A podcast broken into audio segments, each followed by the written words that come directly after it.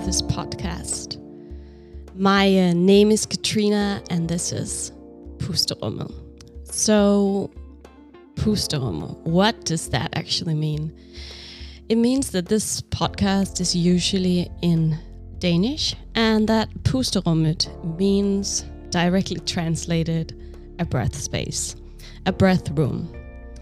And what does that then indicate? It indicates that this podcast is supposed to be a place where you take a deep breath, take a time out, and where you can be present with yourself, get new inspiration. But most of all, let go of all the things you think you should be or do and just be present at this moment. I'm Katrina, and I am a coach, a career counselor, a human design reader, a Strala Yoga guide, and a firm believer in slowing down to do more. But before we dive into this episode, I want us to just connect with our breath, connect with ourselves. So, wherever you are right now, find somewhere you can maybe be seated for a little while, somewhere you feel comfortable, somewhere where you can just be you and where you don't have to be interrupted. And when you have found this place, make sure you have a really good connection with your hips against the ground. And then you can start to close your eyes. Take a deep, deep breath in through your nose. And long exhale out through your nose and mouth. And two more times. Inhale. Long exhale. And one more time. Inhale. Long exhale.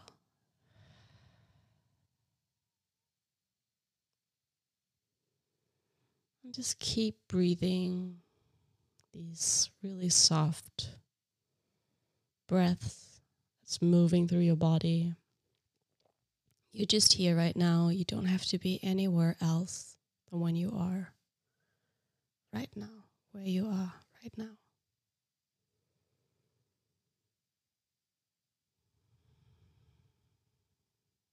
If you feel an ache or something that feels a little uncomfortable in your body, you can just make some soft, small movements, maybe wiggle a little bit around with your shoulders.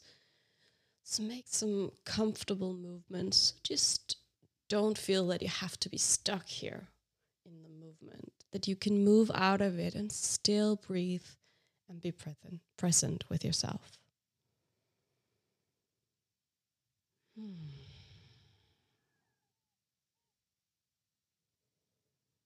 And I want to ask you, how are you today?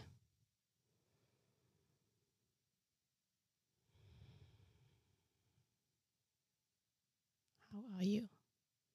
And like really truly feel how are you? And whatever comes up, comes up. Don't judge if it's right or wrong. Your feelings are never right or wrong, they are just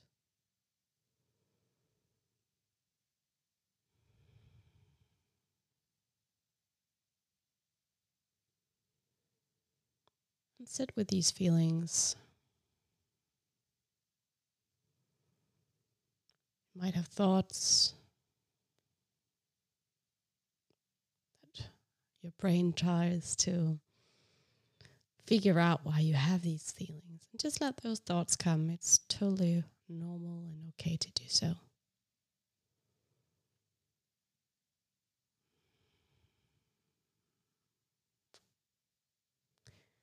And then I want you to look at these thoughts and feelings like a little bit of a, a little butterfly that's with you.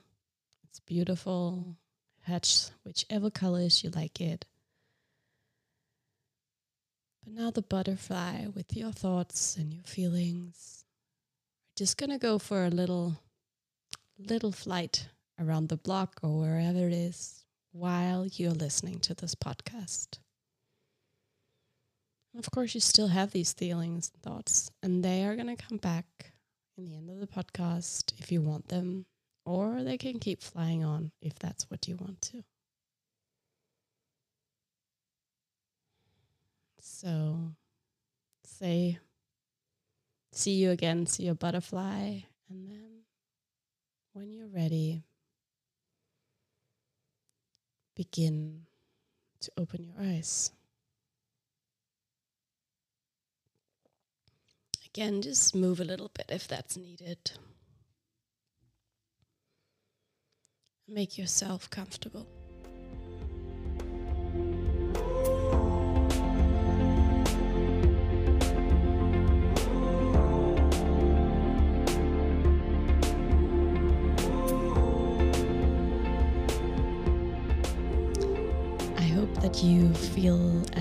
Little bit more connected to yourself after this little breath exercise. And um, I want us to really dive into the episode now because this episode is oh, truly special for me. When I decided I wanted to make this podcast, I made a list of all the people I dreamed of interviewing.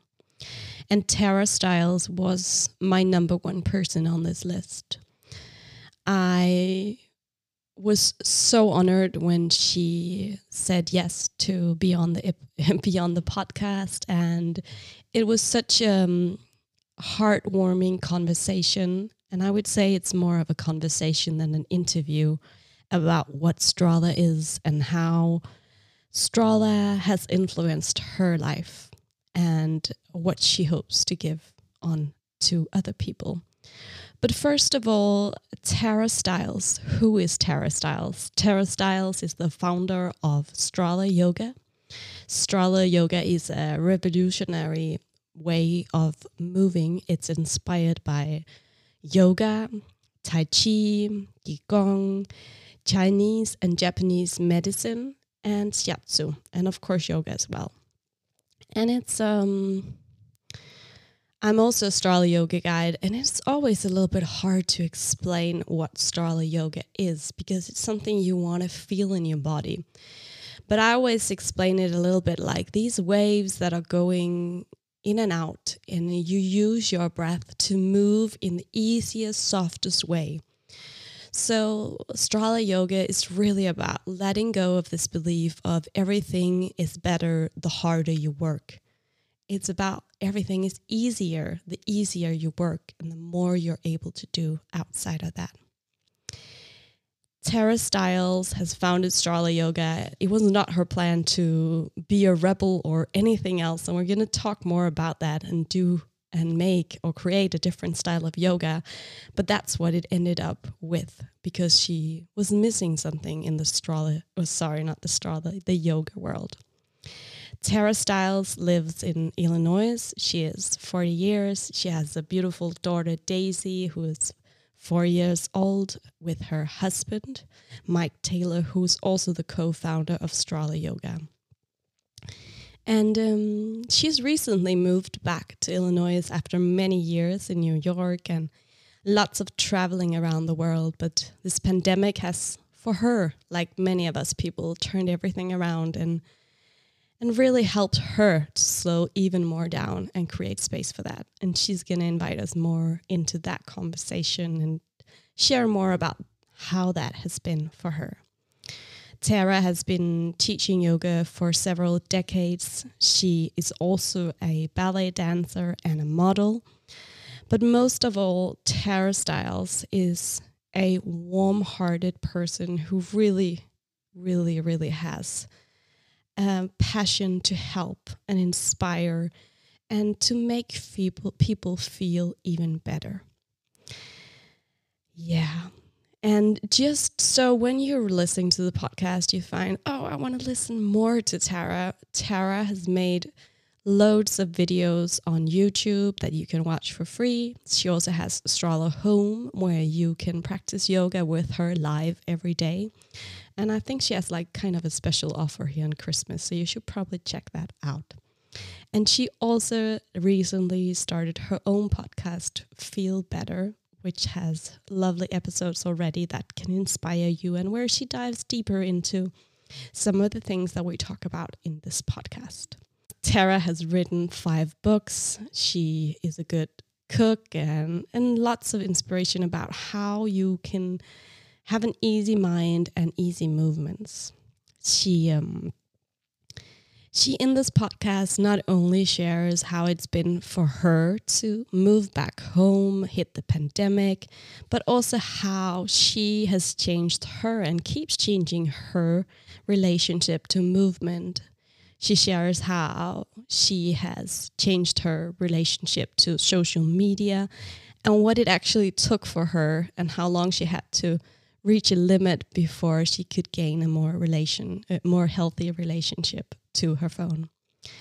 She also shares her thoughts about the wellness industry and the involvement of this. We talk about spirituality and religion and how these things can help us and support us, but also in some ways can divide us.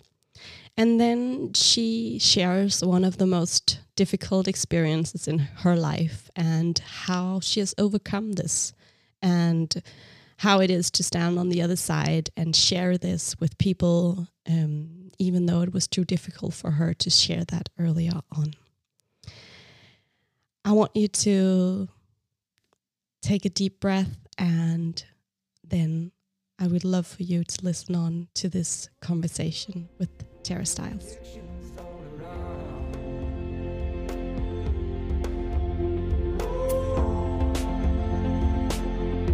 Oh, hello, good to see you. Is you. it okay? Yeah, it's really great. Did I do it right? How are you? I'm really great. And you? Gosh, good. So good to see you. Yeah, you too. I've been so excited to talk to you.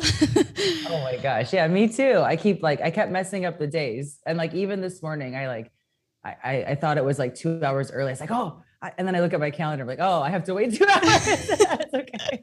Yeah, excited. yeah, it was so nice. You you wrote me yesterday like, Yeah. uh, are you? I'm ready in ten, and I'm like, no, it's tomorrow.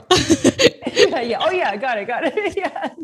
so it, it was really Even nice. though it's in my calendar, I'm just, you know, that's how excited I am. So, Yeah, but, but I'm really glad to hear that you can be excited to talk to me because I thought it would be most me, me that would be excited. So I got myself a little bit of a cold, so my throat is a little funny. So just so you are prepared, and also the people listening will be prepared. Um, so I'll make it as good as I can. I have a little bit of ginger tea by the side. Nice. So, um, but it's um, it's been the first snow in Bergen in Norway today. Oh wow. Oh my gosh. Yeah, Oh, so that's, why I have lots of clothes on. I have a really big sweater on today. That's great. so, but let me hear, how are you? Oh my gosh. Well, I feel like I haven't seen you in forever, but you know, I love that we get to stay connected in the digital way at least. But but we're good. Uh, you know, big change, I guess. We're in Illinois now. We always kind of thought we would have some small place here when we got older and Daisy got older. And then when everything happened last year, we just thought, well, why not now? And when everything opens up, we can travel again and see everybody again. But it's been really nice to be here and do everything with the yoga online, but also be with family and be with cousins and, you know, talk about yoga to people who, you know, still haven't really been practicing or, you know, everybody's heard of yoga at this point, but the people in this community are still, you know, super nervous or, you know, they think it's embarrassing or whatever. So it's kind of like a fresh start in that way, just to kind of go out and say, hey, who wants to do yoga with me? It's a big change from New York City, I can imagine. Oh yeah, I felt like after so many years, you know, we had such a great experience with the studio in New York and, you know, kind of being obviously yoga's been going on for a long time even in New York, especially with the older institutions, but you know, I felt like we were at the beginning of this um, do yoga in a way that you enjoy doing it and uh, so we had a really long time doing that and then literally in the last 5 years wellness has become so commercial and popular that there's everything on every corner every five minutes and everybody's so overbooked with all of their wellness activities that nobody needs anything anymore and I figured, oh, great, nobody needs me anymore. It's a great time to, you know, go and do something new again. I'm sure they still need you. well, you know what I mean. It just felt like it's it's a great time for us to have a change as well. So yeah, I can. I was thinking maybe. Uh, well, of course, in my mind, I'm like uh, thinking everybody knows who Tara Stiles is, but I'm thinking it would be really nice for you to just do a little bit of a introduction. It's always a hard question being asked, "Who are you?" But can you just give a short like um, overview of who, what you would say if you were asked like this? Who are you? I know it could be existential or just what do you do? Yeah, exactly, exactly. I think the "What do I do with my time?" is probably the more like who the heck are you and why are you on um, on this podcast kind of a thing but, but yeah we know each other through yoga um, i grew up kind of doing yoga and then i looked around pretty young and none of my friends were doing it so i was always really interested to try to help people do yoga in a way that felt more comfortable for them and i didn't think that would turn into a job or really anything that filled up a lot of my time at all but it but it really did and and kind of quickly once i decided okay, I want to, you know, lead a little class in the park. And then I met Mike and he's doing yoga too. And we started the small studio and and people just started to really enjoy it and it welcomed in a lot of people that were afraid of yoga or just wanting to feel better and and wanted to have this nice connection with themselves but didn't quite know how to get there. And i feel like i'm still feeling like that with myself even though we have you know um, been around the world doing this now for over 10 years. And you know i've written books about it and you know got a lot of great opportunities to spread this in different kind of ways with different partnerships. And all of those things have also happened but really the the who am i for me always comes down to sharing yoga in this way to help people feel better and more connected with themselves hmm. yeah makes sense that's a good description of who you are Yeah. So I remember the first time I met you, I was like, oh, Tara Stiles. I was so nervous, like coming into the room. That was in Amsterdam in 2015. And I just wanted to share that story because I remember being really, really nervous and thinking, oh, I'm going to come into this rock star woman in there. And then you were standing in the door, and this was before COVID, of course. So lots of hugs right away. Mm-hmm. And you were just saying, like, hi, how are you? And I was like, is that her? Is she just saying, hi, how are you? and I just remember, like, that was for me, like, a fundamental change um, not because I've had lots of nice yoga teachers, but it's always been this big distance between the mm-hmm. teacher mm -hmm. and the student. And that was, I think, for me, that was really the first time I understood this uh, concept that you also teach a lot that you are a guide, but you're not a teacher.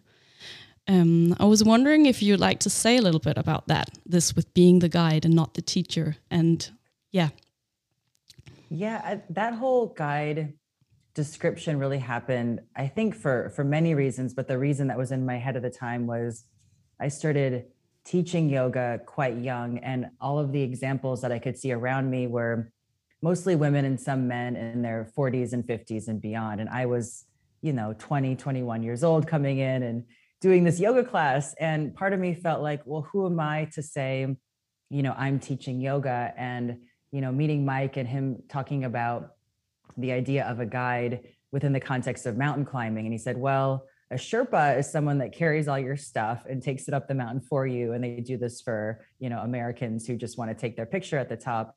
And a guide is someone who has been up and down that particular mountain many times, knows how to do it, and will show you what to look out for, how to do it properly, when to rest. And I'm like, that's what I do. that's what I do. And and also, you know, to your point of that distance um, that never felt right for me either. I remember having uh, a nice yoga teacher experience in New York um, when I first got there, uh, and and this guy, his name was John C. I think I'm still trying to find him to like tell him thank you, but he literally stood at the door as well. And there was still this kind of distance. He was so much older than me, and I never felt like it was appropriate to go and do, you know, be like, oh, how are you? But if I had a question, I knew I could go and ask him because he was approachable. And I remember I was doing a lot of TV commercials at the time. And he said, Hey, I've just seen you in this car commercial, that was you, right? And I'm thinking, oh my gosh, here's someone, and it sounds so silly, but here's someone who's teaching me this kind of big feeling thing. And he's also noticing me, which is helping me feel more comfortable to be there. And that experience always stuck with me because it wasn't all of the experiences that I've had with yoga. There's always been such such a big distance. You know, you don't really approach the teacher unless you're asked in this way. And and I just I love that idea of I can share yoga with people. I can take people through a process, keep them safe, help people feel something, hopefully connected with themselves. But that idea of a teacher, not that the word teacher is bad, but for me, it just had this kind of feeling like a Sherpa, like I'm doing it for you or I'm above you in this way. Um, I know the word teacher doesn't literally mean that, but but for me, I just felt more relaxed with the word guide. And everybody thought it was so silly for so long. What do you mean guide? That doesn't make any sense. Are you giving a tour of a museum? you know, but now you know even kind of beyond our Strala world, I really see a lot of yoga teachers using that word and and people in the uh, field of coaching or wellness or well-being in some way. A lot of people use that word. I just think it's a great word you know i kind of wondered why no one else was really using it widely so i'm glad to see other people using it.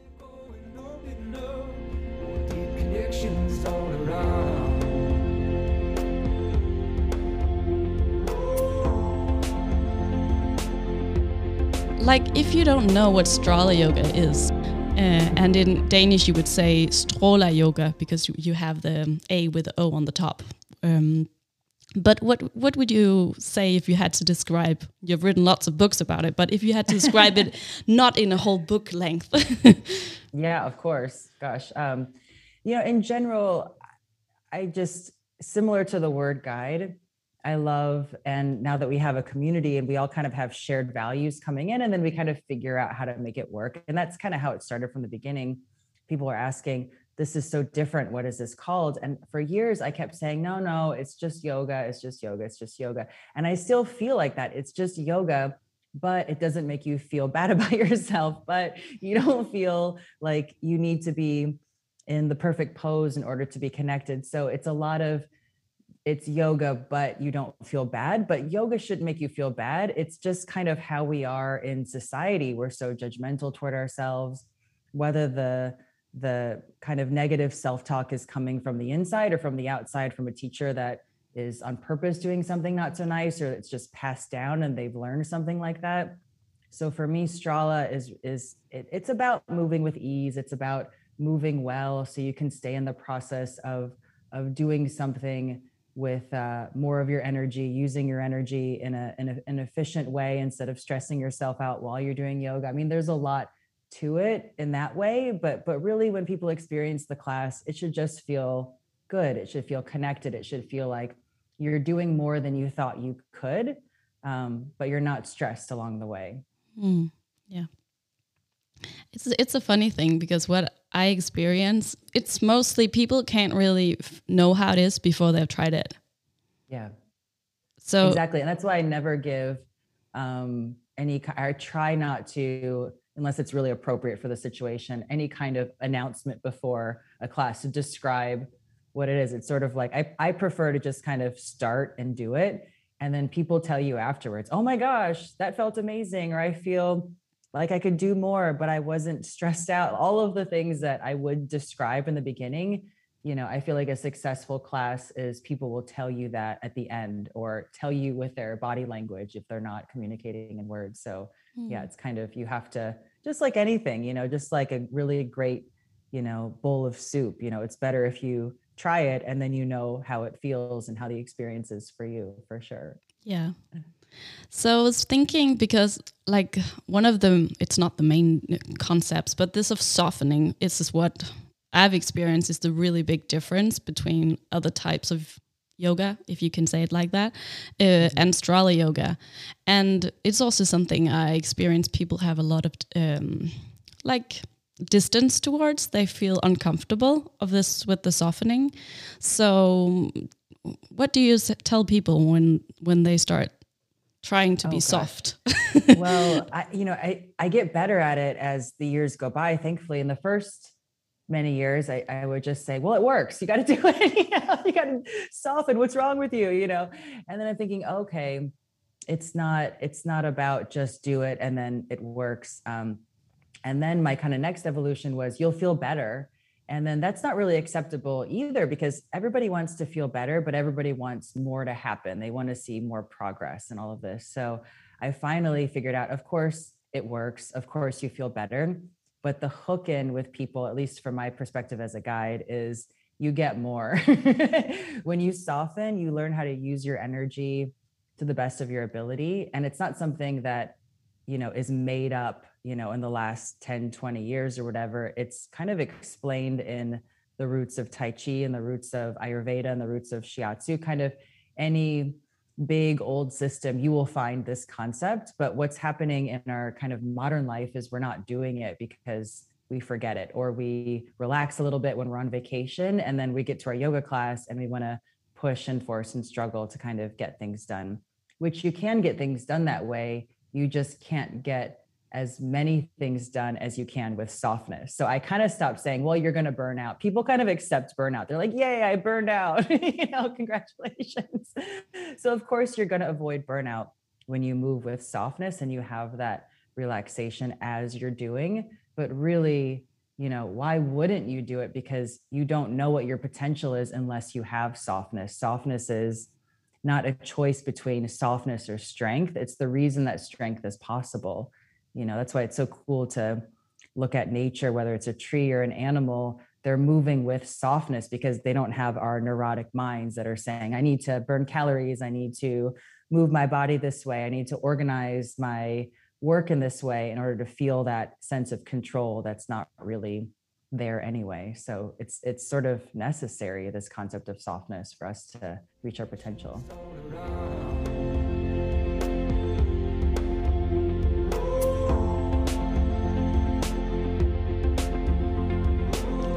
what do you think? Because I've experienced it on myself as well. Like then I've had a really good period, lots doing lots of strala, I feel soft, and then life happens, you have a period where you forget all this nice stuff you were doing to feel good and you're all of a sudden tightening up. So what would your like advice or what do you say with with keeping this practice?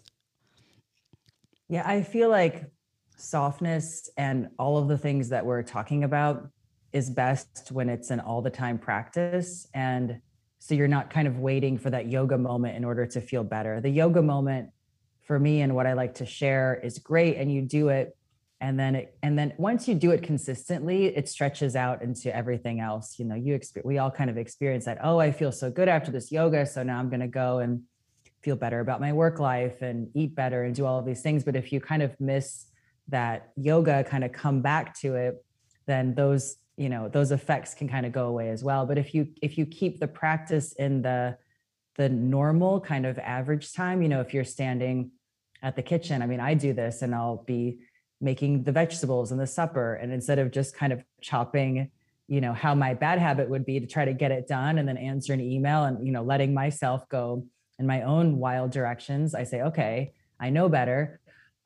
Soften here roll around a little bit chop the vegetables and now i have a little bit more um, of that feeling to keep going for the next you know few hours or few days or whatever. And whenever i notice the tension or the bad habits creeping in i don't need that yoga class right there to happen. I don't need to stop drop and do a downward dog. Although that can work too but i can literally stop soften roll around a little bit take a few breaths standing in line at the grocery store or on a zoom call or in a meeting or doing anything or or doing yoga as well and it can kind of get stretched out to be more of the time. Hmm. yeah. So it's a good reminder if you're standing and chopping vegetables and you're all tight try to let it all let the knees be soft and just sway a little from side to side. Yeah i know it works. You know i know my own mind as well and we all kind of do. We see where our bad habits go and for me I, you know, we're all so busy. So I would, left to my own devices, I would chop the vegetables while I'm checking my email, while I'm watching something online to learn something about something super random, maybe listening to an audiobook at the same time. And then, but none of that is productive. You know, I can chop the vegetables, soften, roll around a little bit, and then I feel better. So, oh, if I need to email that person, I will. If I don't, I won't, or I, I can come up with a better idea or oh, I want to read this book later, or I want to listen to that later when the time is appropriate. So I think a lot of it is gaining the experience of the result of softening. So you get excited about it. Oh, I'm going to go do that. Not just so I don't stress out right now, but so I can see more in my peripheral vision and um, make my whole experience better. Hmm. Yeah. So that leads actually really well to a question I wanted to ask you because this podcast is called Pusterummet and you don't have a like direct translation. I try to write it to you, but it means like breath space, you would probably. Mm. So it, it's something you would say like, I need a pusterum. That means like, oh, I need a timeout. I need a break uh, to breathe. Um, so what would it be a breath space for you? I love that. I mean, that reminds me of, you know, music and rhythm and timing, like the space between the spaces. it's just so cool. Yeah. Oh, yeah. For me, it's it's really simple. And Mike and I talk about this all the time. Uh, this idea of, you know, do you guys have this? Did you learn this growing up in school to stop, drop, and roll? You know, mm. if you catch on fire somehow, it's this, it's the, I, I suppose, really useful technique. But I thinking about this coming up with with softness of stop, soften, and watch your breath move you. And I literally do this because I know it works, but I like to do it, you know, as as much as I can think of, as much as I can fit in. So, you know, my little secret moments of standing in line at the grocery store, and instead of just, oh, I should look at my phone right now because there's nothing else to do, I can stop, soften, and watch my breath move me. And then all of a sudden, oh, I notice I can actually have a conversation with the person checking out my groceries and that will be good for both of us. It's not just like i'm doing something nice for this person they're doing something nice for me as well by having this conversation. So instead of forcing the the good behavior out in the world i think so many people get stuck in that i should be doing this i should be doing this so i kind of make myself act nice out in the world. But that happens naturally if you stop soften and let your breath move you. So I know I, I do that and I love to share that as much as possible, even just standing around. I noticed Daisy started doing it, which was kind of revolutionary. We have this cat and the cat scratched her once. So Daisy picked up this really strange habit of scratching me whenever she gets kind of anxious. I'm like, oh my gosh, this hopefully this doesn't get out of control. And last night she was scratching me. And I said, you know, you, you can't, you really can't do that. That's not so nice. And she ran away and she turned her back to me and she st- she stopped, stopped and took a breath. And then she came back and she gave me a hug. And I was like, Mike, success, you oh, know, so success cute. moment. So, you know, we weren't, we haven't been teaching her, you know, you need to stop, soften and breathe, or you need to do yoga, but, but literally just doing that around her and around my family and around people has you know, I noticed the difference in myself, of course, but I noticed that I can tell a difference in other people, which I think is kind of really cool. Mm. And it also just shows how much children pick up on oh, without yeah. you saying it because you're it's so crazy. They copy everything. And that's also why it's like so important this is softening because if you have children or parents or anyone around you, they will copy what you do because we mirror each other as people. So yeah. That's a great example. What is how old is she now? Four? Four, yeah. Wow, she's yeah. so big now. she's super tall. Yeah, she's you know a very tall, very tall for her age, which just means she's like an inch taller than other kids. You know, when they say that, I'm oh, she. Everybody kind of evens out. Everybody learns how to do all the things, but but yeah, she's she's fun. I can't wait to bring her back around again, have her see everybody. Yeah, she was. I was so impressed by her because I've seen her a couple of times, like when she was small and then a little bigger, and she's just so relaxed with all these people and everybody wants to come over to her but she's just like yeah this is fine. I'm safe.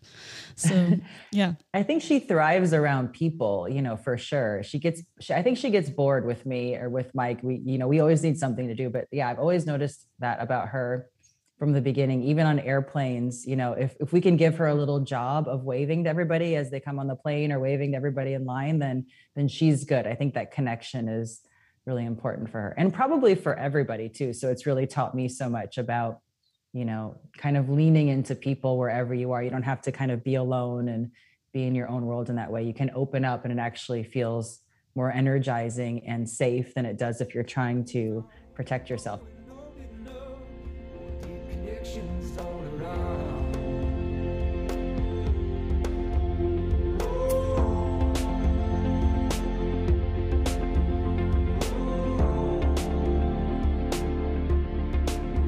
Like anything i'm just curious i'm not a mother yet but has anything changed for you with like moving and stuff not like physical in your body probably a lot of changes as well but your approach to movement has changed after you became a mother Uh, yeah, I think I, especially we have videos now.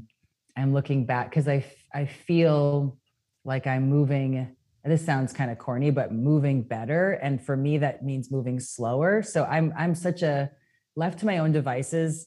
I'm so thankful that I have yoga because I would just kind of run off the rails and go super fast with everything. And I mean, I, I love doing, I love meeting people, I love all of these things. So looking back a few years at some older videos, I kind of anticipate the movement a lot, or I'm excited. So I kind of do this a lot. And it's kind of, you know, it's not terrible, but now I notice, oh, wow, I actually have slowed down and let my breath move me a whole lot more. I think, honestly, because for me, having her has slowed me down a little bit. You know, just the experience of being pregnant and giving birth kind of knocked the wind out of me. so I think that that honestly just happened. So there wasn't this like choice to slow down. It sort of happened to me. And I notice that I could start to go faster now that I'm, you know, recovered and I feel more strong and all of these things. But I noticed that was something really positive about having her and and noticing that change but then also kind of noticing how when i do slow down and really let my breath move me i can be more present with her i can be more present with myself more happens in my yoga i actually feel more sensitized to what's going on instead of just going through the the motions in that way so yeah it's been a positive thing for sure Hmm. Yeah. I it's it's funny because I also really noticed a difference like from the first time in 2015 when I practiced with you guys till like like just remembering now it's 2 years ago what's more it was 2019 I was with you the last time but I just I just seen such a big difference in how much softer it is it was amazing the first time as well but it's just it really feels like everything has become more and more soft I think that's what's so cool about the practice of of softness is when you have that in your yoga, you can get better at it your whole life. Mm. And I would think that if your yoga is mainly about, you know, nailing those challenging poses or doing these extreme variations, then just like any sports or any athletics, you're going to have a point when you're the best that you can be at those physical things and then you know it's just going to get worse from there. So i love this idea of making softness the goal. Mm. and and really i've noticed that i can i feel better when i'm doing the easy things and i feel better when i'm doing the hard things. I care less about the hard things. I care more about feeling better along the way. And you know i don't notice any you know drop off in my stamina or my abilities and it really kind of has you know kind of shifted my priorities in a good direction of helping myself feel better which essentially is why we're all some in some way why we're all wanting to do yoga to some specific reason of feeling better so i'm Mm. grateful for that for sure But just coming back to this with having these uh, breath spaces and stuff, um, it's always so strange when you can't say that exact word in English. Yeah.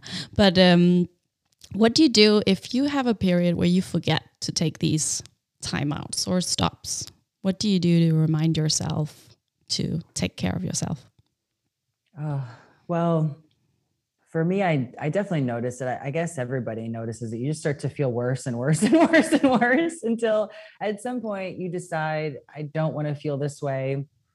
Uh, I want to make a change. So for me, and I think for everybody, we know what those changes are. We know it's slowing down, eating better, doing our practice, these kinds of things. So so for me, it really just comes right back to slowing down and and and doing literally doing the yoga like for myself like on the ground when nobody's looking when it's not a live stream it's just okay I'm in a bad place. it's my own fault. And it's also not my fault because, you know, everything's stressful, but I'm the only one that can make it better. And, and I think knowing that helps me be inspired to crawl down to the ground, take a few breaths, you know, move how it feels nice for me to move and and just go from there. Do that for a little longer, you know, and and keep giving myself these timeouts in a way, you know, putting myself in trouble. Okay, I'm in trouble. I'm going to go up to my room or down to the room and do a little bit of movement and then and then feel better. Mm. And it always works, you know. It always shifts something. I never know what's going to happen on the other side. I think that's one of the reasons why it's hard to to go and do it. It's not like you have a headache and if you take an, a, a pill, then it's going to make your headache go away. You don't know. You, you're probably going to feel something not exactly like better, but you might, you're going to notice what's going on a bit more and it'll change how you feel at that moment. So I, I know that's the result and that's the trajectory. So I just go and put myself in that timeout and make myself do the things. do the things. So is it mostly for you yoga and meditation, or do you do other stuff that like helps you take a, a break?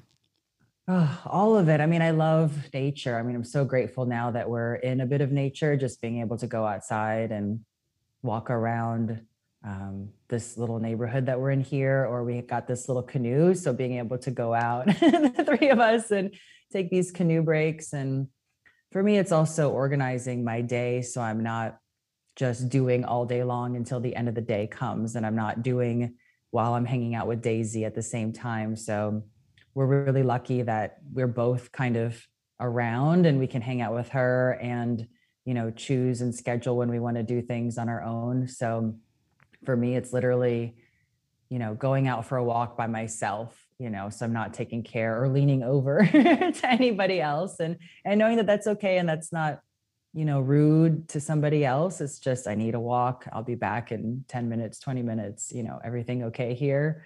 Cool. Or you know making sure that we have enough healthy food in the house so when we get hungry it's not just grab whatever it's oh i can actually go and open up the fridge and i can get creative and make things here you know? I really love to kind of take simple ingredients and invent something kind of completely new. So that's another i suppose practice it's something that i'm you know doing without doing anything else that ends in this nourishing meal but it's also fun to do in the process. So that's another thing that i like to do if daisy and mike are out on a bike ride or playing downstairs or something like that. I can kind of disappear into the kitchen and you know whip up something hopefully edible mm. It sounds nice it's amazing like now when you just talked about nature how much that really changes your state of mind to go outside. Um, I used to live in Copenhagen as well, and now I moved to Norway. So Copenhagen is in Denmark, and I live where there's like it's a city with seven mountains around, uh, and I'm looking right at a mountain right now, and it's wow. just it's just amazing what it does for me also. So I can really see myself in what you're saying because this having nature, it's just you can't do a lot of things out there. You can just walk and just breathe. yeah.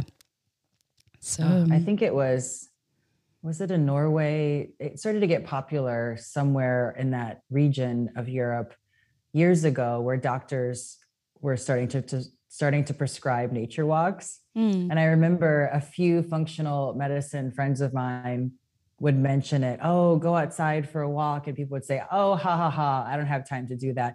But then, of course, if a doctor prescribes it, and then all of the research comes in why it's so good for you. And now it's something that people are talking about so so often and it's so accepted to just go outside you know if you can leave the phone at home or put it in your bag if you really need to call somebody at the end but just being out in nature walking around you know so many benefits it's obvious to all of us but you know maybe that's another just good reminder that you will feel better if you go outside. It's guaranteed. Yeah and it can be really hard sometimes. You're just like oh, no it's raining. Oh so many bad excuses. So um, yeah but you never regret going for a walk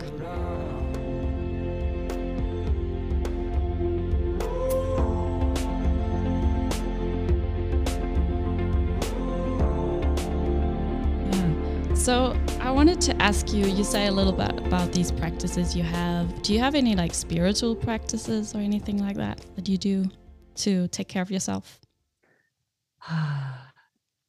Definitely about reflection. I think this is a big one for me.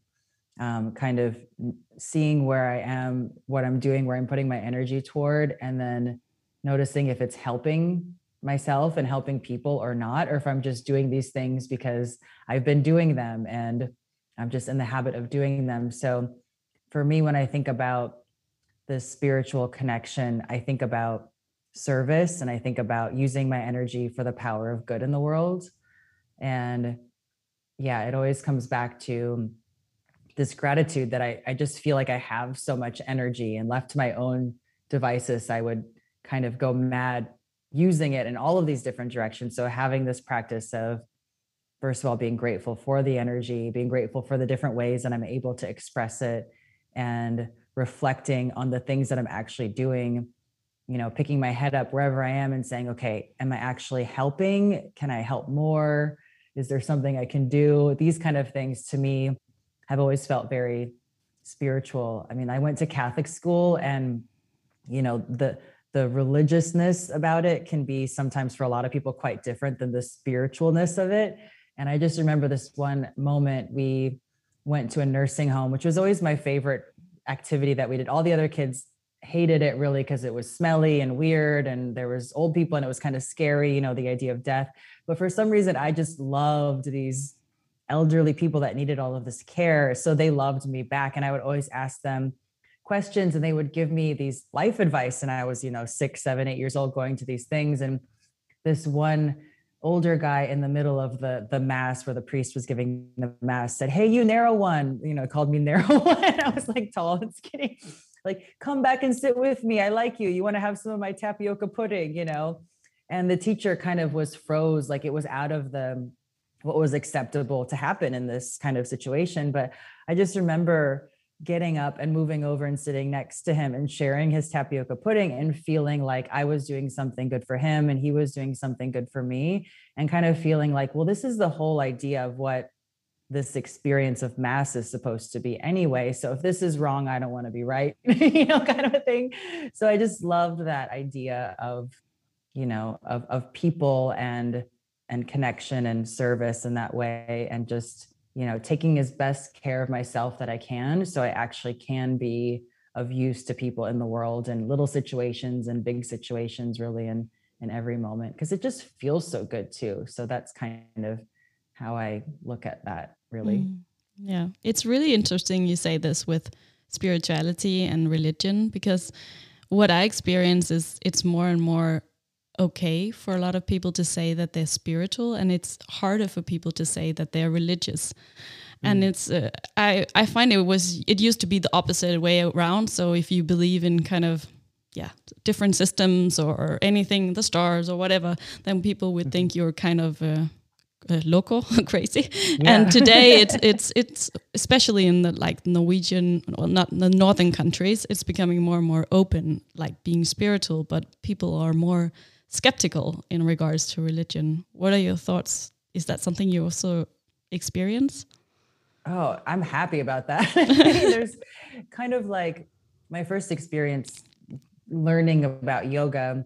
I would compare it just in my own mind to religion because, you know, there's so many different religions, but to me, they always felt like, well, we believe this and we believe this. And even within, you know, growing up Catholic, I had a lot of friends that were not Catholic. And I would ask them, Oh, do you, what do you do? oh, we go to this church. And we think that you guys are a little bit nuts because you have communion every Sunday and we only do it on the special holidays. And you guys are a bit greedy with that.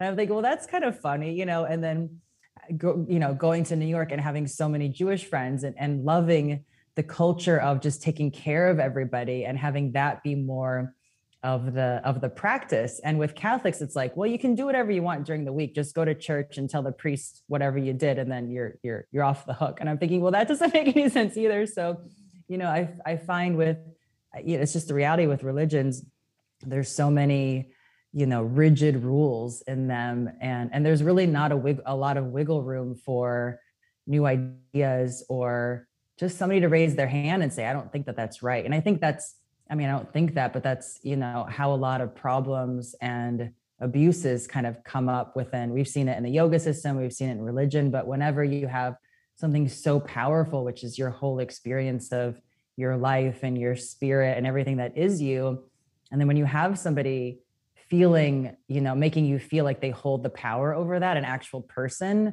it puts a, a very awkward and abusive relationship on that. So I think that's why so many people, maybe part of it, why so many people are now drawn to more spiritual open practices because we're all spiritual beings and we all know that unless we're super grouchy and we just can't get through the day. Oh i don't believe in that. But we all at the end of the day ah, okay i'm connected to you. I'm connected to the world. Everything that i do is important. You know you look up at the stars and you think there's got to be something.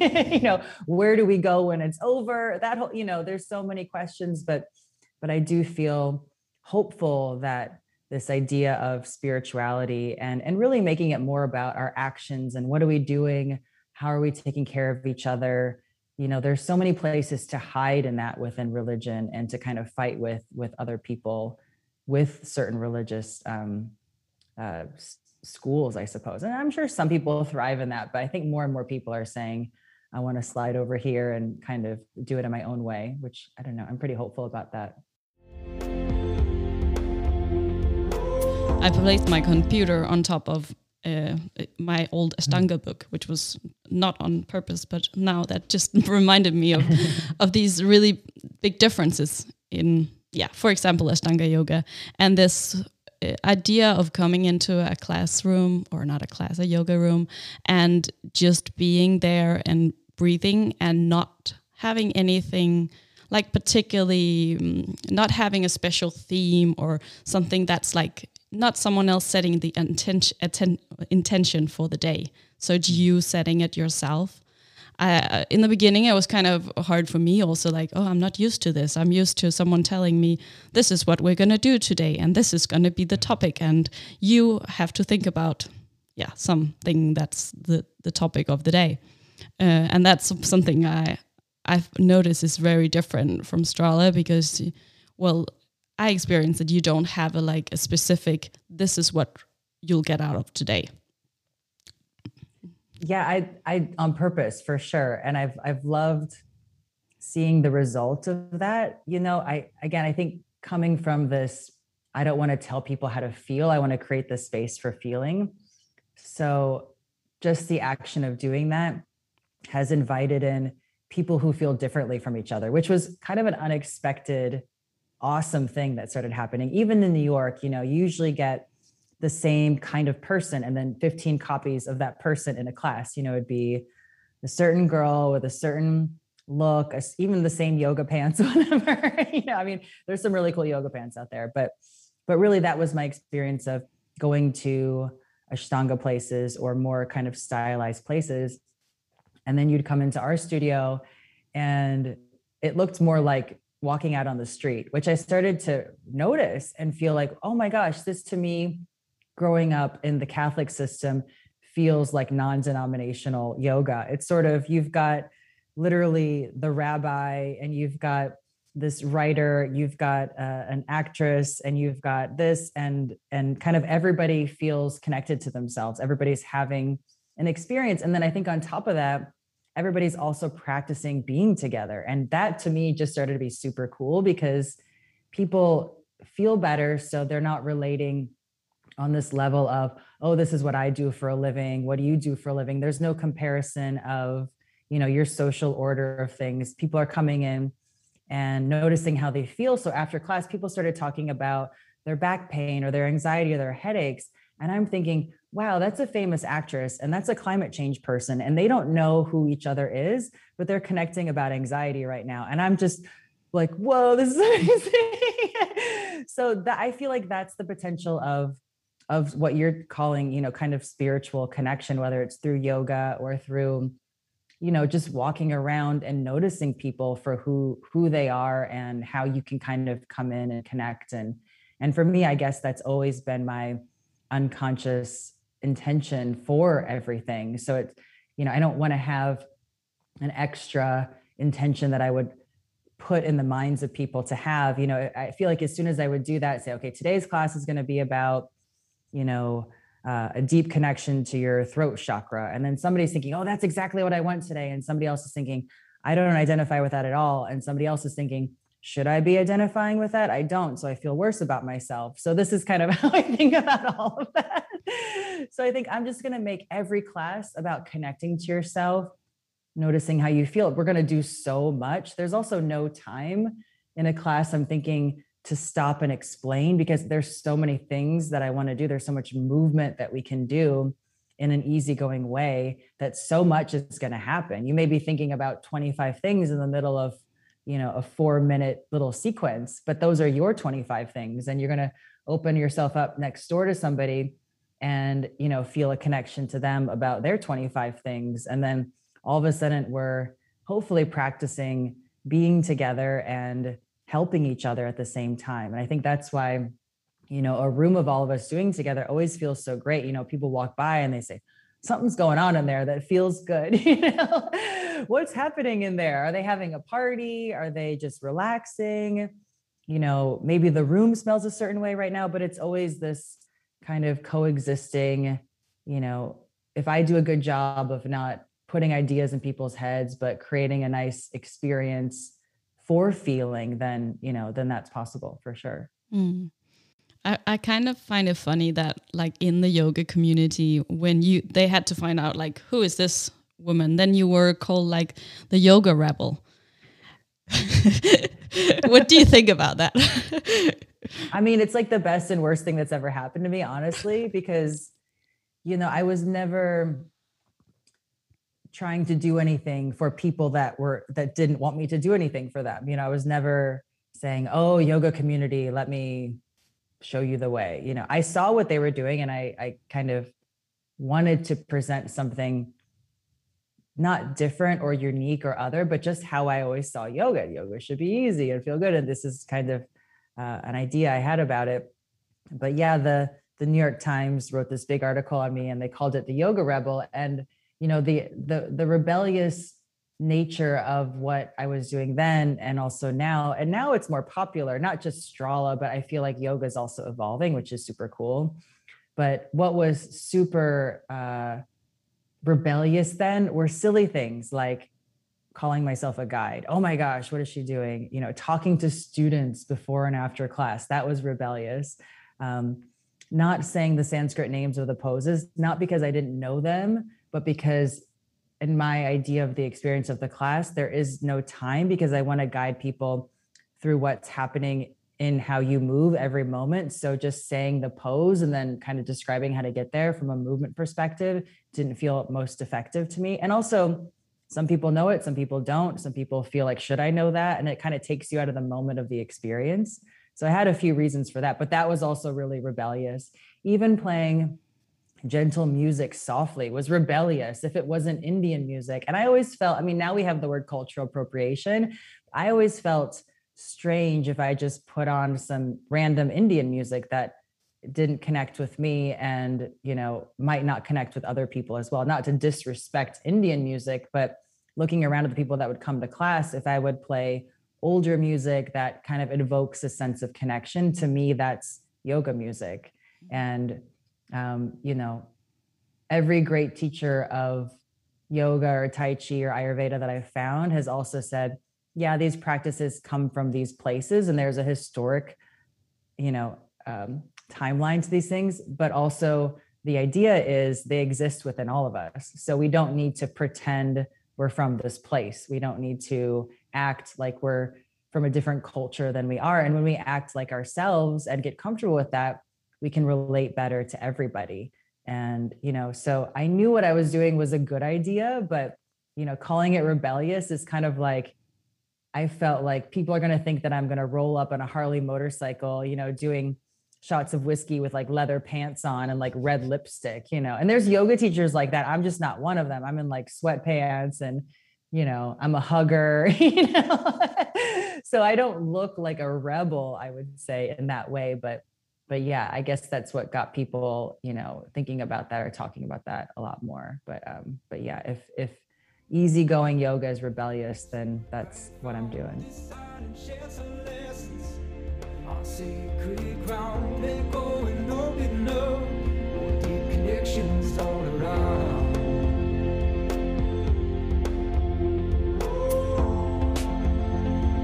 So I'm curious because there's been a lot of changes also for you guys the last two years with this whole uh, corona. We're so tired of talking about it, but it's still here. Um, and I just like because so much of your life before that was also traveling around and doing intensives and 200 hours in different courses. So, how has that change been for you? Well, we've had online videos and trainings and things, you know, kind of from the beginning. Uh, so that's been there. But I feel like what happened, and this was strange timing, but this ability to go live, whether it's on Zoom or social media or on an app, is super new, even though I think the technology has been there, but everybody kind of accepting it and doing it is new. So, uh, we started our app finally. I mean, it's been one of those things we've been thinking about for years, but I love just to go around and see people. So that's how I've been spending really all of my time before. And there's only so many hours in the day to do things. So when the pandemic happened in New York, um, Mike started working on the app. I just said, well, maybe we can do this and put all of our videos that we have in one place, but also can you make sure that we you know work with a developer company all of that technical stuff that i can go live that we can just go live with people and do yoga with people can make it as as close to the in-person experience as possible. So we started doing that and we started going live like four times a week kind of a thing and then i was missing it on those other days you know just for myself. And then even in the beginning i'm thinking well this doesn't need to be you know the biggest thing in the world but for me i want to be there live every day and it turns out that just started to be good for everybody else as well you know just to have a regular time every day you can turn it on and there's a class there. So we have all of our classes there that we have had before and all these technologies are pretty great now after the class the video's up so people can do it. And same for our trainings that were in person we've had a version of them that we've kind of filmed and had available online for people that haven't been able to make it to Berlin or Amsterdam or London or Paris or any of these cool places that we get to go. So we've had a bunch of people over the years just doing that. And then we kept in touch with them about kind of carrying that on. So we thought, what if we do that all together at the same time and have chat groups and email chains and videos back and forth? So we started doing that and having you know, pretty much the same schedule of going around um, to these in-person events, but but online as well right now. So I'm sure that will shift and change when we can go back, hopefully before too long. Mm. We have something planned in Berlin for next summer. So that's like the one thing we haven't canceled, you know, 10 times already, as everybody has done.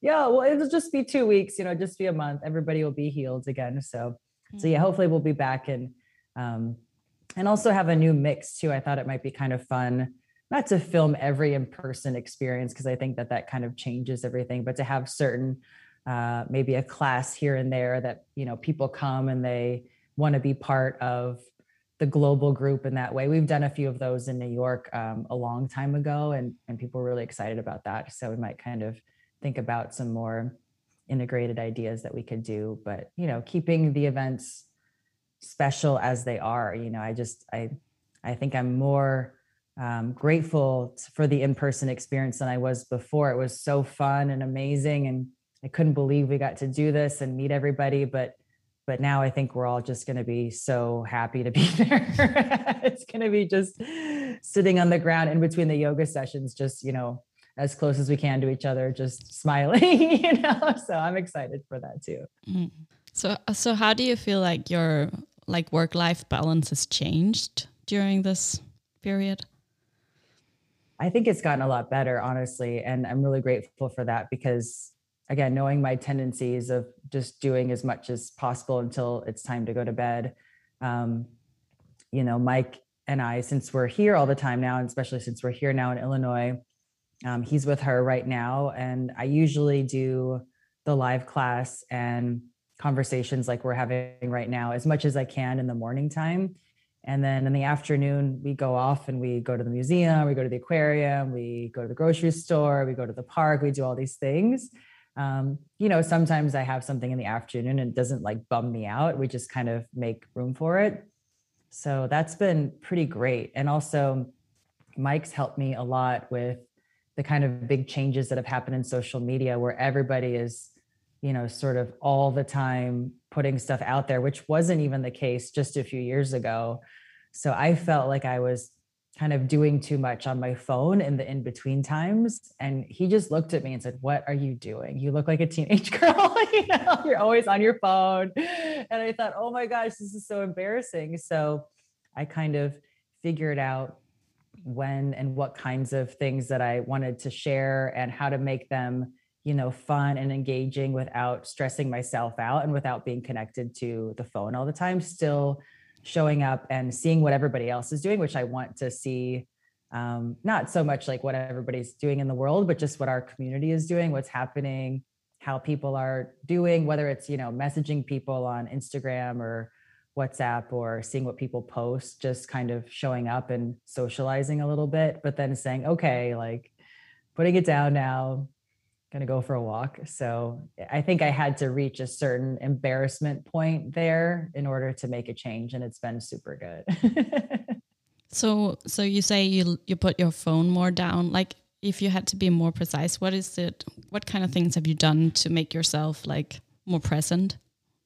in regards of not yeah, being on so your phone? So I I stopped um, sharing kind of the things that we were doing in the moment because I would literally just see other friends doing that and think, oh, well, that's cool. I'm going to do that too. And then I realized, oh, if I take a picture of us all at the park and then I share it, it's not just you share it and then that's over with our social platforms. Now you share it and then you feel like you need to check back because your friends are all commenting about that moment and then you need to comment back about what's going on and you want to comment back so i thought well this is completely taking me out of this moment of just hanging out at the park and like isn't this kind of silly? And i'm a little bit embarrassed about that. So i thought okay if i can bring it back to sharing the things that i love and of course it's about real life like we're all at home doing stuff but if i can make a little yoga video or a topic to talk about today and i can share that then the the conversation that I'm going to have with people is going to be about something more meaningful than about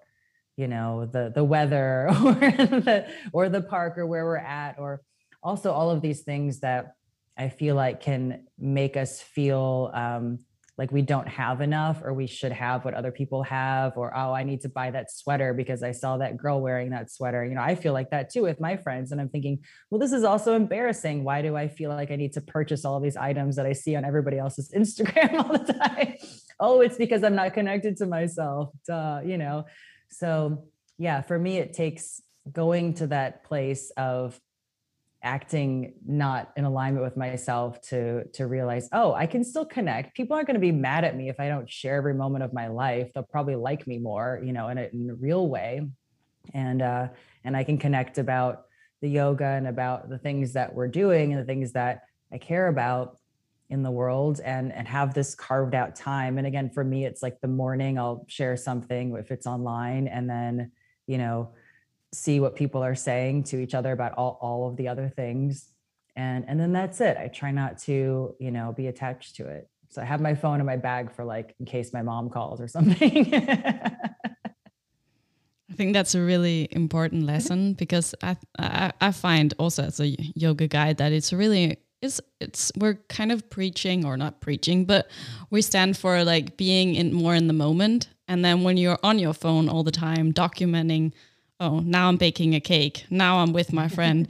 you're not in the moment at all because you're so busy doing that. So, but I, but I, um, I know so many people find it hard. It's it's hard because you feel like oh, everything's moving so fast, and especially if you're a person who's living through your social media in some way, um, you kind of maybe also feel like obligated to be present. So um, and it's not our fault. I mean, it's an addiction. I think, you know, all these studies are coming out now. I just read something about teenage girls having physical tics because they're seeing it on TikTok, whether people have them or they're kind of just mocking people that have them or, or pretending, they're still doing this strange behavior and going to the doctor and you know parents are really concerned but you know grown-ups have the same addiction too and i think it's really important to remind ourselves that it's not our fault. These things are set up for us to drive ourselves totally bonkers and make us feel bad about ourselves in the process and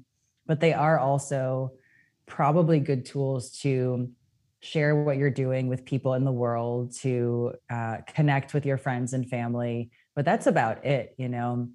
And I remember kind of feeling lucky at the beginning of 2009 and 10 sharing some videos on YouTube because there wasn't that kind of constant interaction. You'd you'd create something and then you'd put it up there and if anybody wanted to to do it with you or watch it or whatever they would maybe they'd leave a comment but it really didn't matter you know kind of a thing and but now it's it's you know it's like everybody feels like they should be pretending to be bigger than they are all the time. And you know with all of this dysmorphia and filters and all of these things it's so strange. And it makes us feel like we're doing something wrong. When we're not it's the technology that's trying to you know destroy us in this way. But but yeah i think it's it's extremely difficult. I remember when stories started on instagram thinking oh another thing to do.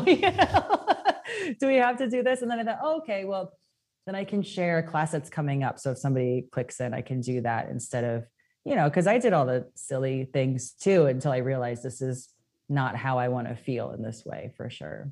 Mm, mm. Yeah, and I think it's it's it's really important to keep talking about and keep debating. Oh, am I doing something now that's actually not good for me? Uh, and it and it can also be a balance. Probably have times where it's okay for you to be more present, but yeah, it's it's it's not easy. I think mm. it's gonna be keep being a challenge. And I'm also with the whole like younger children and stuff. What do you do? It's it's difficult. Like with Daisy, how how do you feel about the whole?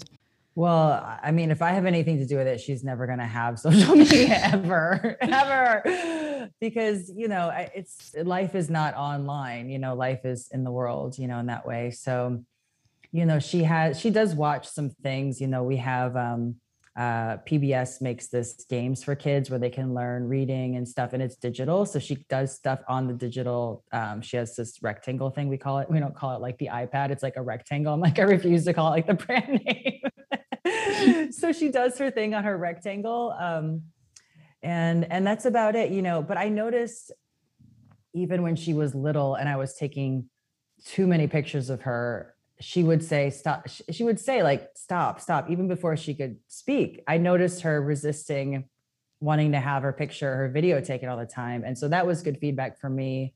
You know even though i didn't learn that lesson in that moment i thought well she doesn't even like this. People don't like it. It doesn't feel good.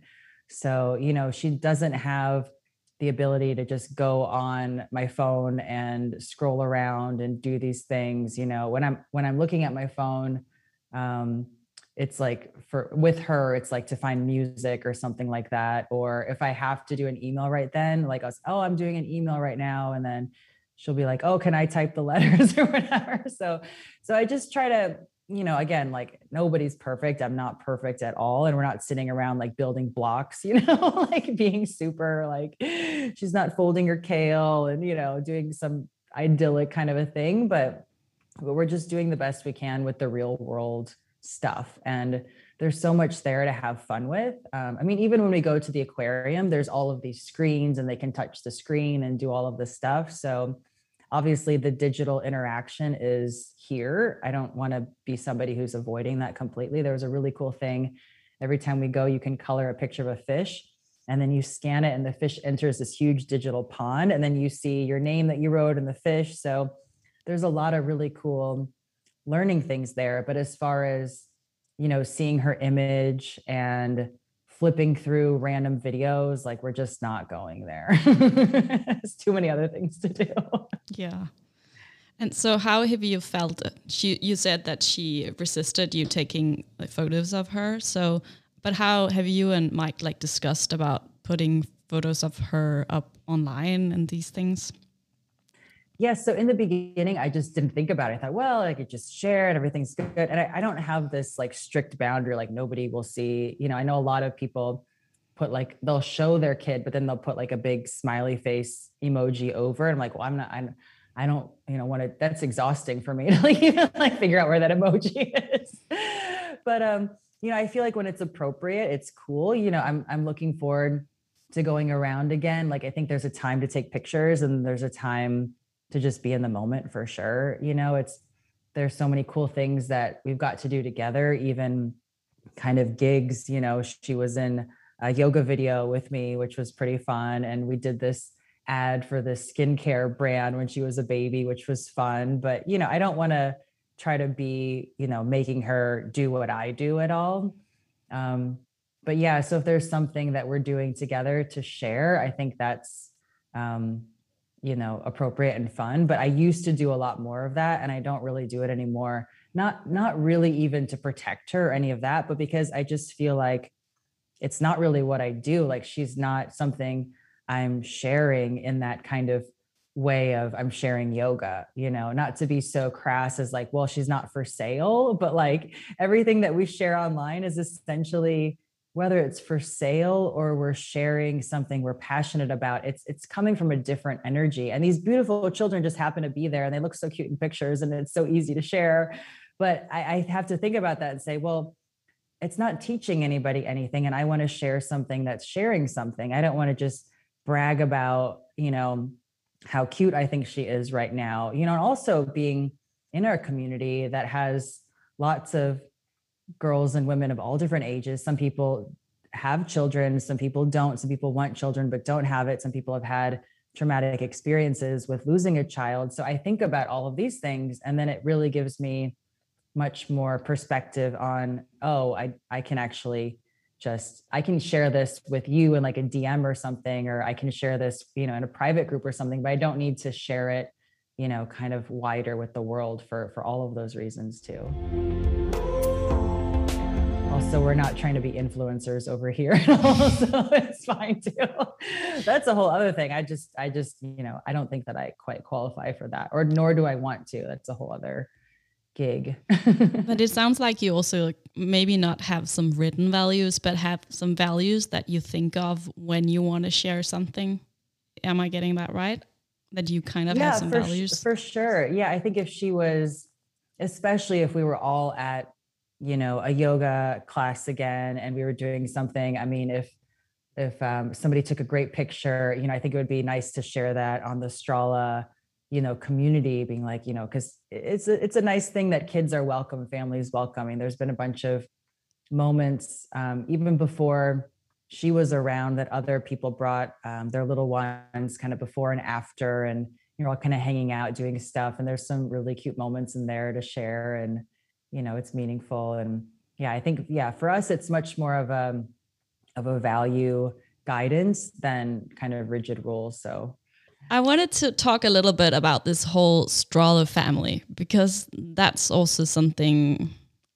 Well, I can't say that it's not like that in other communities, but that I really, as a guide, experience that I have a family through you guides, and uh, I would love to hear like your thoughts about wanting to create this family, or did it just come about, or how did it happen? uh, I mean, this was honestly, I think one of those unconscious dreams of mine or goals or intentions of mine. I remember being a little kid and feeling so excited about life and about my energy and different things that I wanted to do. But mainly the thing that I wanted to do was have friends all around the world. So I think when I found yoga and this ability to share something that's so powerful that makes everybody feel so connected, that's such a wonderful way to then pick your head up and say, oh, wow, look, we're all together doing this thing. So the whole idea of community just started to happen naturally by how we were all kind of practicing relating to ourselves and each other. And, you know, my, my personal experience in this community has been, you know, somebody who's been completely helped by everybody else. I mean, even my first book got uh, you know the experience of writing that book came from somebody who was at the studio and hooked me up uh, writing for a blog that led to meeting somebody else and they came to the studio and did this and so everything for me and my being able to share more has come from the people it hasn't come from you know somewhere else it's like fallen out of the sky. But it wasn't a plan on paper for sure. And you know especially uh you know this this more global community too has been super cool just to see well we all kind of want to feel better. So that's a baseline and we all are kind of doing our best within that and we're not judging ourselves based on certain external goals or body types or whatever. So those are just kind of in there and how we're doing everything. And I think for whatever reason, that's just such a an easy way to relate to other people. So when we all have this this kind of thing in common, but we're all so different, it's so comfortable and comforting to be around people. And I feel so relaxed when I'm leading a group or if I'm in it, somebody else's class or you know having dinner with a group of guides there's something that just feels like family with that or it feels like a good family a healthy family like you know you got the rowdy ones and this and that but you have this sense of comfort. And you know just seeing how that's played out within so many people now and how it's kind of kept really healthy in this way everybody finds you know a kindred person or people do partnerships or people get married and have babies or you know, there was a girl from Israel who was just in America, like doing her podcast, and she asked if she could come stay at our house and hang out in Illinois for a little while. And she had come to New York to do a training.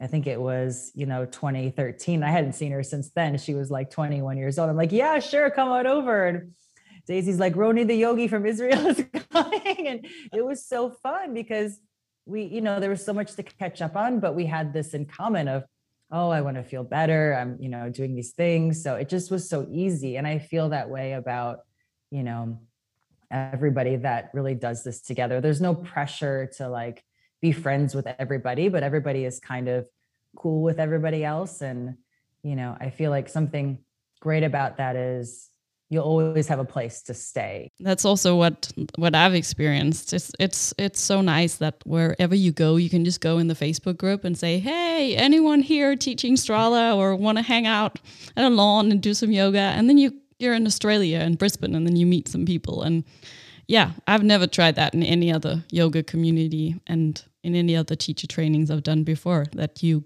and it's also it's more than just the group you did your training with. It's so many other people you you never met before, but you kind of just feel like this is safe. I can connect mm-hmm. here. Yeah. Yeah, I love that. I love that feeling.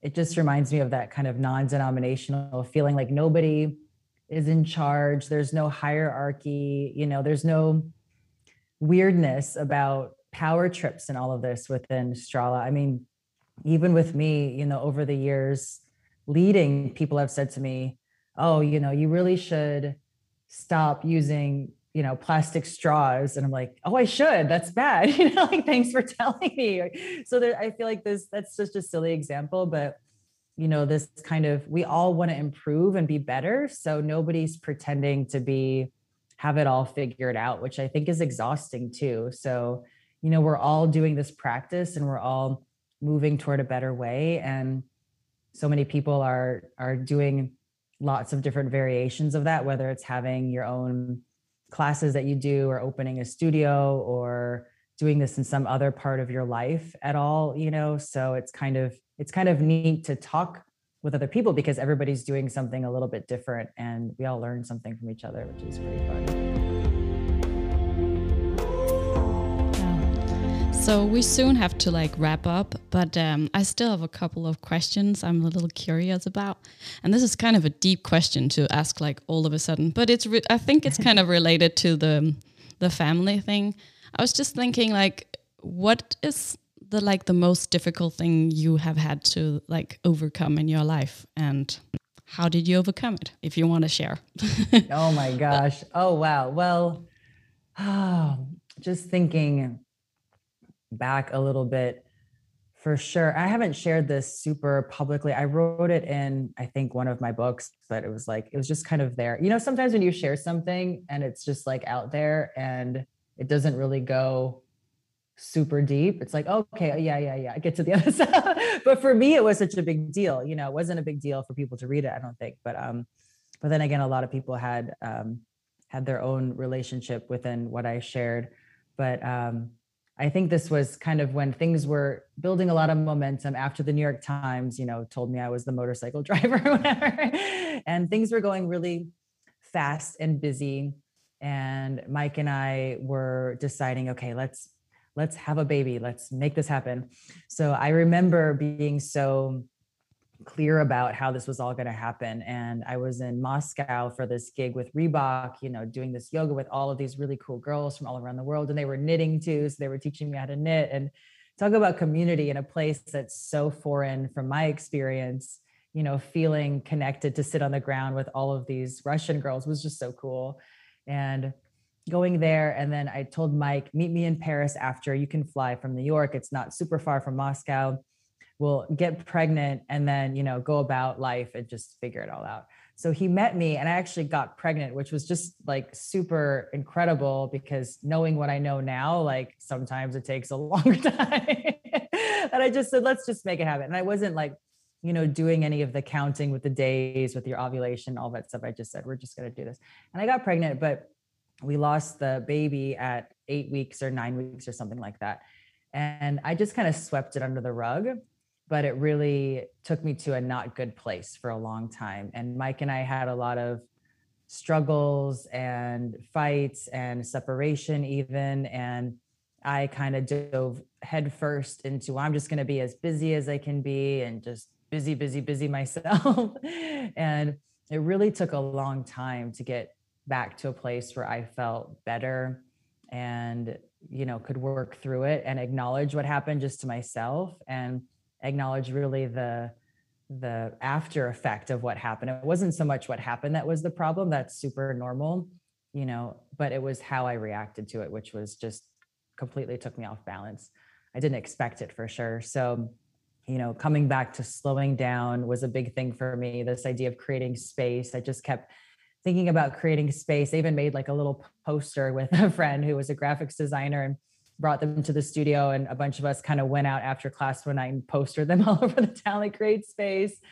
So, you know, for me, really leaning into my practice and the people that were around for community and, you know, talking through some of these things with Mike and coming back to a place where, you know, we can we can do all of this together without having things kind of be swept under the rug. That was that was really hard for me, but um, to get back into a better place and create space for life again, but then also also ultimately for Daisy to enter mm. for sure.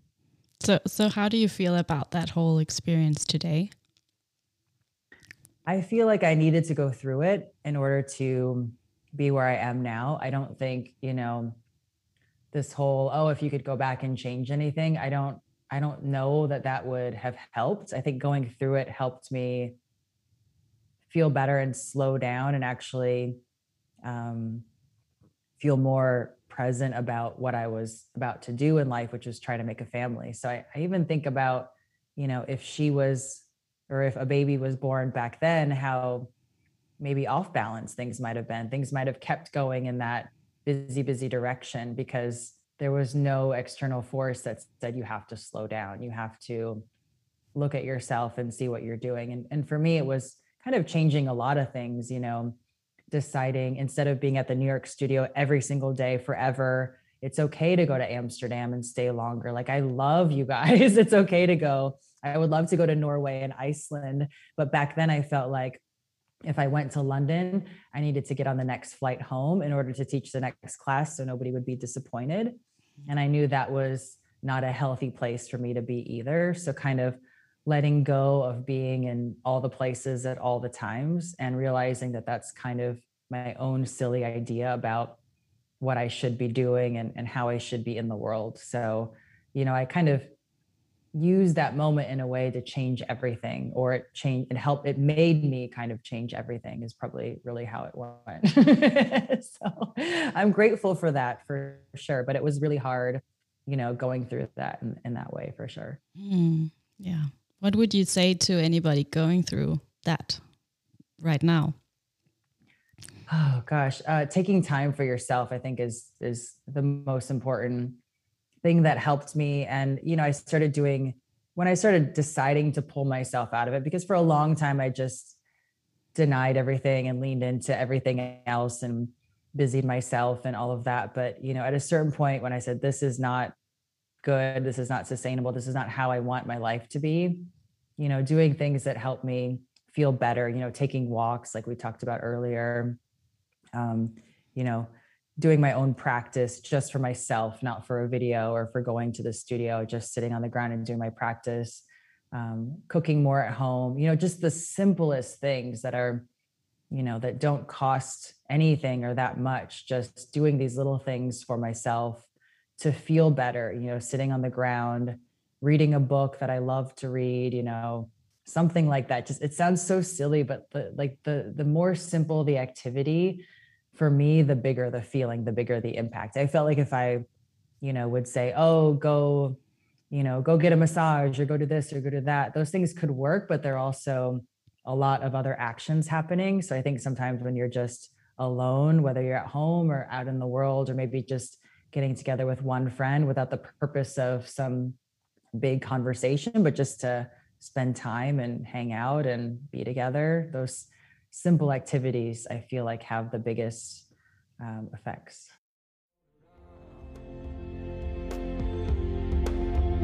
I'm curious if you look in like the crystal ball or whatever you call it, what what do you see like for yourself in the future? Gosh, I feel like going around again. I mean, it's kind of like i have been thinking about this a lot in the last couple years. You know, the world spinning and then we all kind of well if we're still healthy we all just we're forced to stop in a way but then i feel like because everything is so digital now it's so easy to be over busy because you're at home you could be doing all of the things instead of just one thing you know everything can be on your schedule so i know for me it's i'm really looking forward to kind of continuing going back into the world and being in these different places with different people, but also staying longer. So, you know, I for my own evolution of going and coming back, going and coming back, going and kind of ping ponging around to going and staying a little bit, but then oh, I got to go do this other thing. So now I really want to go and be there with Mike and Daisy and and the people in the city and hang out before the class, hang out after the class, hang out for a couple weeks afterwards, you know, just really soak up the time, learn more about myself and about the people around me and you know, take advantage of those those real life connections even more without trying to hurry to the next thing. Hmm. Yeah, that sounds clever. Not to be on the move all the time. yeah. And what about yoga? Do you think that that was something you're going to continue with, or is there other dreams? Yeah, I mean, yoga is something that I just feel like has its hold on me for my whole life. Like I love it. I love lots of things, but it's sort of I'll never get burned out of yoga. It sounds so corny because of how we practice. It just feels so good. And I still feel like this kind of whack on the back of the head, like go help somebody feel better today, you know, in the morning. so whether it's, you know, the the old old guy at the pool who's doing his physical therapy and I can do a little bit of yoga with him or coming around and doing you know more formal classes and things like that I think that's something that I'll have forever and I'm thinking about as I get older like as I get you know maybe like super old like 80s or 90s like how cool that will be you know like oh I'm still at ease like I'm just thinking about that you know in the future and how cool that will be. But but I also love you know reading and writing and um, different kinds of projects and things like that. So i'm i'm trying to kind of shift gears from the books i've written about yoga to start writing more about um, you know sharing stories from my life that don't necessarily have to do about yoga but have to do about living from a more connected place and you know seeing what happens from there. You know i've always just love to sit down and, and write stories as well. So I think, you know, putting those things together has been, you know, something fun for me. And I think everybody has so much energy and so many different things that we all like to do. It's just kind of deciding where you, where and how you want to spend your time. But that's why for me it's so important to to be um, clear and use my energy for good as much as I can and not distract myself with things that can take up all of my you know brain power whatever's left in that way and just focus because you know yoga is amazing. I love it. Writing is something again i love it. Um, spending time with daisy you know as much as we can. Um, cruising around the world with her doing things. Um, but yeah i'm super open. I've always loved being open and seeing what also is is possible within the people that i meet. And i've met some wonderful people that have just said, Hey, let's do this together. And I'm, oh yeah, that sounds great. Let's do that. so, you know, I'm I'm super open for that as well. I know my life has always taken me in so many different directions. So staying open to that for sure. Mm-hmm. Yeah. So just to finish off and returning to this with the softening, what are you going to do for yourself after this interview in regards to softening? well, this, I mean, I'm super happy. Um, I had I had some yoga that I made this morning, a, a video for the app to put up later. And um, so this is kind of the, it sounds so silly, but like the end of my day, even though it's like 10 a.m. I, I, feel so lucky and grateful. But, you know, so I'll spend a little bit more time. I hear Daisy and Mike, they're playing, they're having a good time. So just kind of, we made this little studio above the garage, just kind of hanging around here. I'll probably fold some close a little bit, do some simple things to just take care of myself, make some breakfast, really boring stuff over here for sure, but take a little bit more time between talking to you and then going and hanging out with them. So I love having, you know, as much as I can moments in between the moments as well because I just feel like everything happens so much better that way and everybody's so busy but I I also feel like that's approachable for all of us as well because we spend so much time just distracting ourselves or worrying about things when there is time and space in the day to just sit down on the ground and breathe even if it's five minutes or 10 minutes, but I'll probably take, you know, honestly, like 30 minutes just to hang out. so giving yourself a really good uh, pusterum or breath space yeah, just to finish yeah. off. Inspired by you. Yeah. So thank you. Yeah. Well, thank you so much for taking time for this. I really uh, appreciate it. That was really, really nice to see you. Have a beautiful day and a nice breath space afterwards and take care of yourself. Thank you. Thank, Thank, you, so much. much. Thank you so much for listening to Pusterummet med Katrina Ro. Before you carry on with your day wherever you are, I want to give you a few highlights from this interview.